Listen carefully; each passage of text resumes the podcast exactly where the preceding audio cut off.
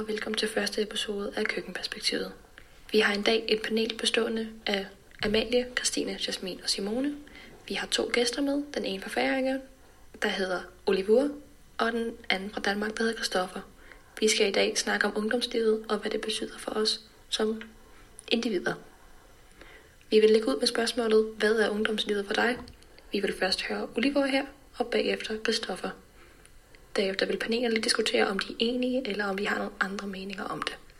Ja, altså, jeg ser det sådan, som at det, den tid, man har, før man får en karriere, eller familie og børn, så man ligesom har tid til at gøre det, man vil, at, at tage ud og rejse, og som den frihed, man har, før man starter sin karriere.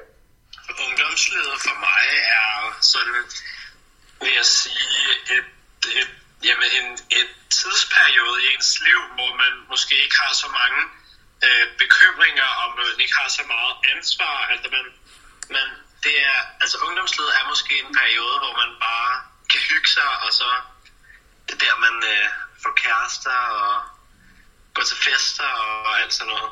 Ja. Jamen, øh, altså, jeg tror, jeg er meget enig i de ting, der bliver sagt. Altså, det handler meget omkring den her tid, øh, før man bliver voksen, hvor man bare kan rende rundt og have det sjovt og være sammen med sine venner og hygge sig, uden det hele er så seriøst. Ja, altså hvad det hedder, man har ikke så meget ansvar lige nu her i forhold til, når man ligesom kommer op og bliver voksen og ligesom får mere ansvar og flere ting at tage sig til og sådan. Jeg vil sige, at jeg føler, at man har meget ansvar i ungdomsperioden, øh, fordi det netop er nu, man ligesom former øh, sin identitet.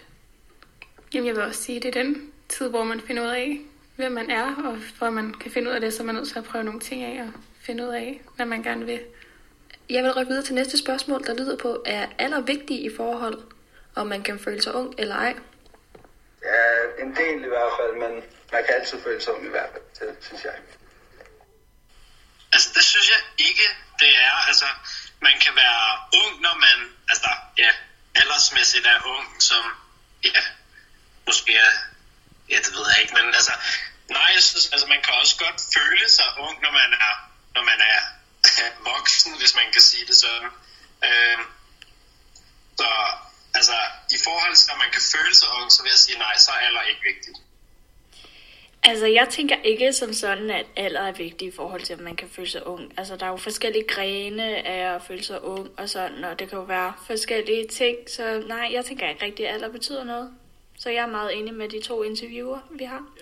Altså, jeg tænker, altså, jeg har altid set det som om, at man ligesom, man, man kun er ung, når man er sådan teenager, måske sådan 13 til midt 20'erne, fordi jeg føler, at det er sådan der, at man bliver defineret som ung. Men sådan, jeg kan da godt se, at når man er ældre, og man sagtens kan føle sig ung. Altså, min far synes selv, at han er meget hip med de unge, selvom han er 50. Altså sådan, jeg tror, det er meget forskelligt fra menneske til menneske. Så jeg vil også sige, at jeg tror, at samfundet definerer meget sådan, hvad ungdom er ud fra, hvilken alder man har, men man kan nok også sagtens føle sig ung, lige meget hvilken alder. Altså, der er jo også forskel på at blive defineret som ung, og så føle sig ung. Altså, at føle sig ung, det er jo en følelse, det er jo meget øh, individuelt og sådan noget, hvor en definition af ung, det er jo en større betegnelse, altså sådan flere mennesker, der ligesom har den her holdning. Vi springer videre til næste spørgsmål. Hvordan har din opvækst været? Jeg synes selv, den har været rigtig god. Altså, jeg flyttede til Danmark, da jeg var fire år, og så flyttede jeg tilbage til Færøerne, da jeg var 10. Og øh, min opvækst på Færøerne i hvert fald har været rigtig god, men jeg kan ikke rigtig sammenligne den på samme måde som øh, i Danmark, da jeg boede i Danmark. Øh, jeg tror, min opvækst har været meget øh, sådan øh, kernefamilie-agtig. Øh, altså, jeg har haft en god opvækst, øh, vokset på landet, og med mor og far, der ikke er skilt, og en søster, og ja, der har ikke rigtig været nogen, noget der. Altså jeg tænker, at øh, ens opvækst ligesom kan påvirke ens ungdomsliv. For eksempel hvis man har en øh, god opvækst, ligesom vores to interviewer, så øh, kan det påvirke dem positivt i deres ungdom i forhold til hvis man havde en lidt øh, negativ øh, opvækst, så kan det også påvirke en måske negativt i ens ungdom. Og så på den måde bliver ens identitet også udviklet. Men øh, man kunne også høre, at der ikke var særlig stor forskel fra øh, Færøerne til Danmark i forhold til, øh, hvordan de ligesom er opvokset. Det var ret ens der.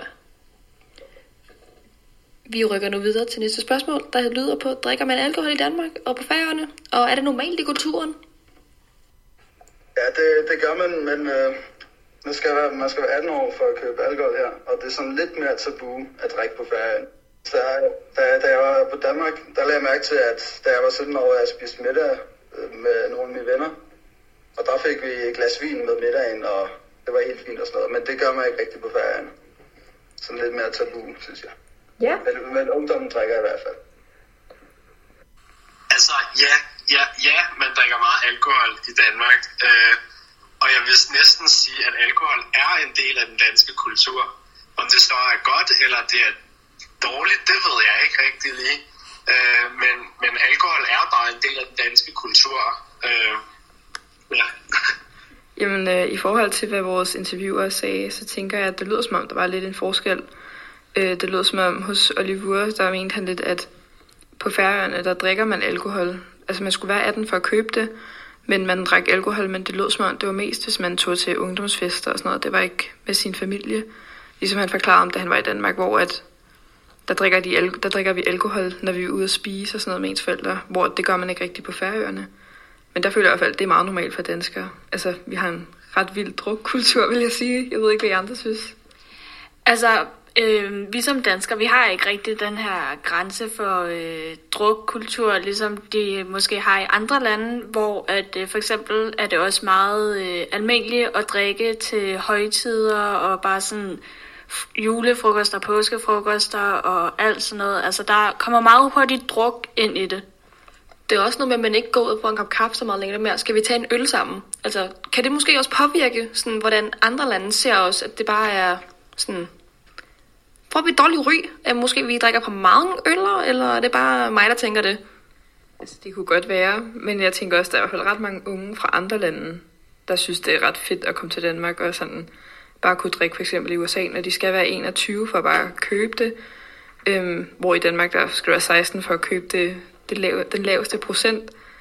Så øh, altså, jeg tænker, jo, det kan godt være, at nogen ser lidt ned på Danmark over det, men jeg tror godt nok også, der er mange unge, der synes, det er fedt. Altså, Altså, det kan jo også være fordi, at øh, vi oppe i Norden, vi er jo også sådan nedstammer for vikinger og sådan noget, så folk har ligesom også den her forventning til, at vi er meget sådan vilde og drikker og har det hyggeligt og sådan.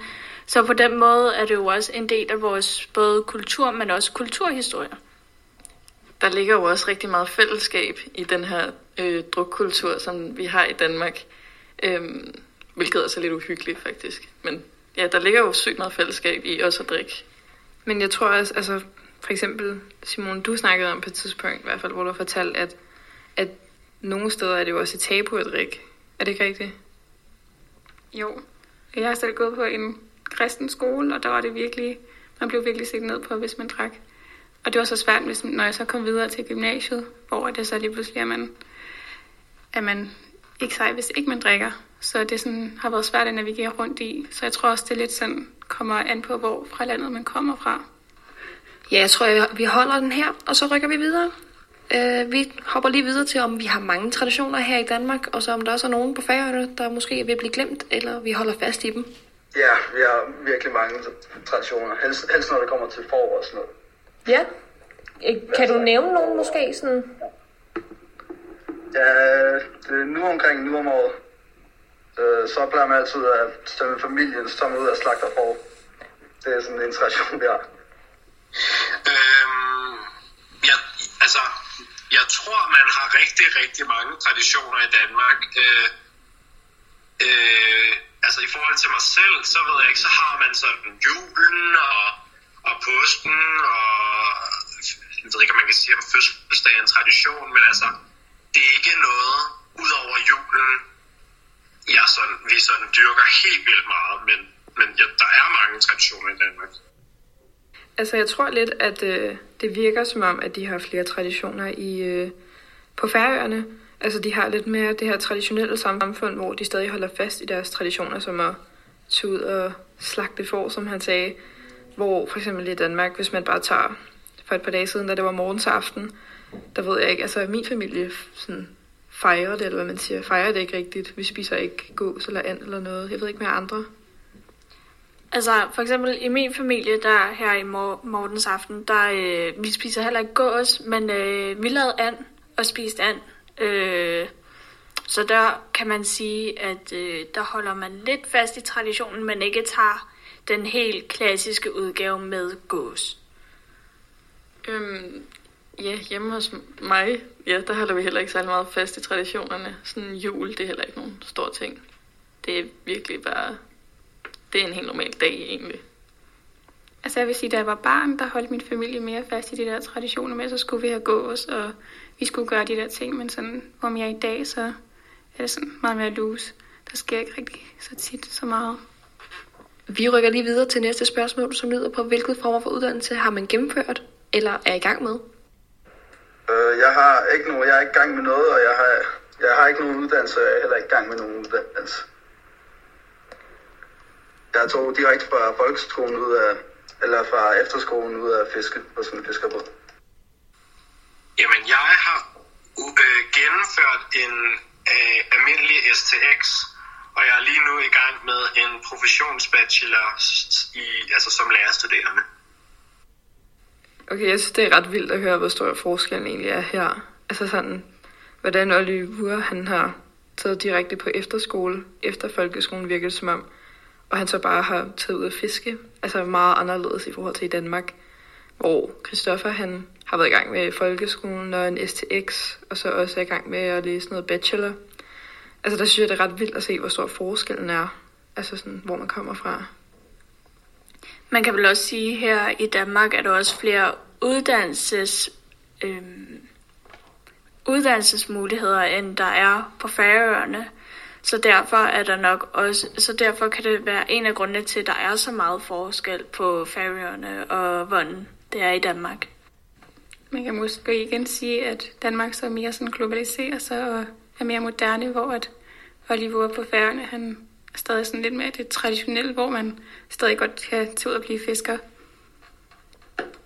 Øhm, jeg synes, det lød som om, at Oliver han havde taget et, øh, sit eget valg om ligesom at blive fisker. Og det, det synes jeg, at han hvilede ret meget i. Og det synes jeg også er fedt, at han har den mulighed for bare at sige, jeg vil godt være fisker. Altså det ville jeg da også ønske, man kunne i Danmark, uden at det var helt mærkeligt. -agtigt. Ja.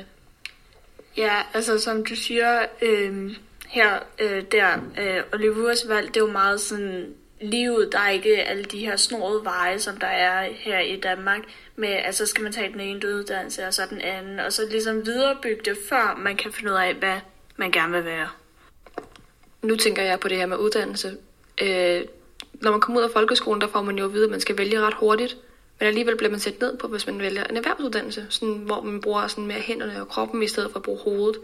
Altså, er det sådan bare lidt mere i Danmark, at man bare skal være mere bogklog, at man egentlig gerne må være noget, fy- lave noget fysisk?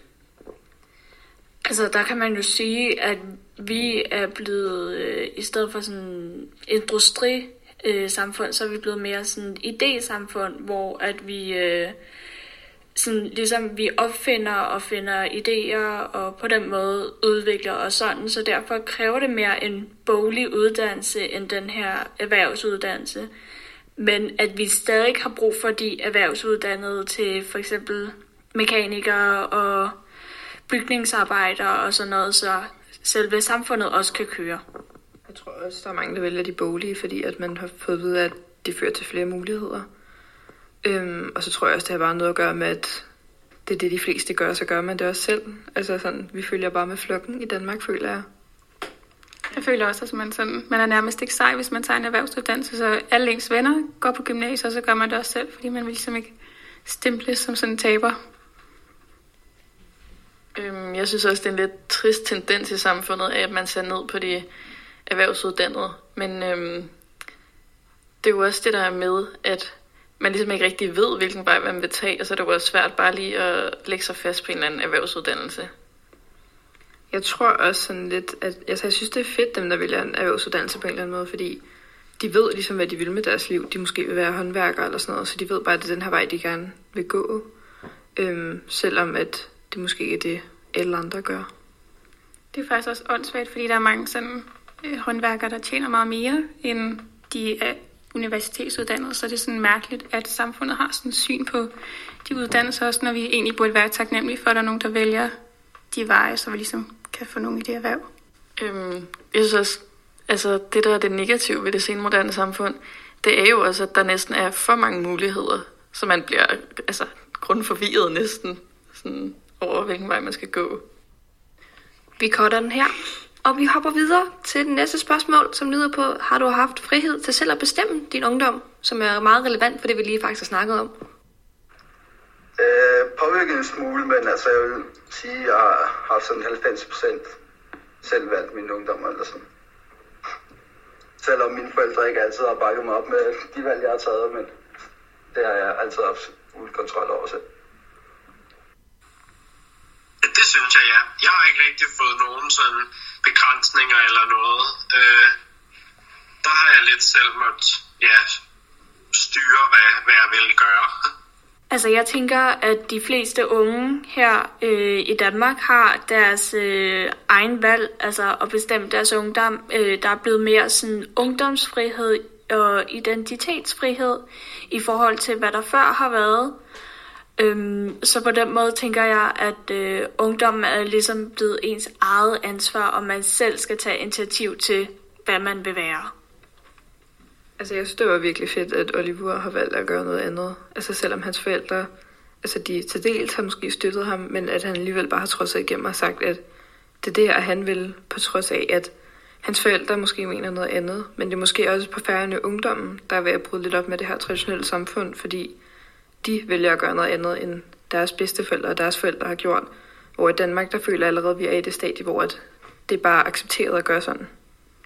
Jeg tror, vi cutter den der allerede, og så hopper vi videre til vores sidste spørgsmål for i dag. Og den lyder på, holder man stadig meget fast i traditioner? Vi har været lidt inde på traditioner, men det er altså godt lige at runde af med det. Ja, altså vores forældre og vores øh, bedsteforældre, de er, det er ret normalt, at de er konservative her på færgerne, men vores generation nu er begyndt at sådan, dreje lidt væk fra de traditioner, vi har. Det begynder at sådan, dø øh, lidt en smule ud nu. Den tror jeg nok mere er rådet lidt ud til højre. Altså, jeg, jeg synes ikke, at vi ligesom i gamle dage, er der, er der sådan en forventning om, at man går i, i sin forældres fodspor. Så nej, lige den tradition, den, den holder man nok ikke så meget fast i mere. Altså, jeg tænker, at det er ret godt gået øh, af ungdommen på Færøerne, at man ligesom begynder at bryde lidt op på de øh, traditionelle og ligesom vælger sin egen vej. Og øh, Oliver, han snakker jo om, at hans øh, forældre og bedsteforældre er konservative, og det lyder ret normalt derovre. Øhm, men det lød ikke som om, at han selv var konservativ. Øh, så på den måde synes jeg, det er ret fedt, at han ligesom vælger sin egen vej. Jeg synes godt, at man kan genkende det lidt herhjemme, at ens bedsteforældre måske har været konservative. Og jeg tror, at igen, så har vi herhjemme i Danmark nok været rykket lidt hurtigere frem, men jeg tror alligevel godt, at der er sådan flere af vores bedsteforældre, der har været konservative, hvor vi nok ikke er det så meget i dag. Okay, vi holder her for denne episode. Tak fordi I lyttede med. Vi kommer tilbage næste gang.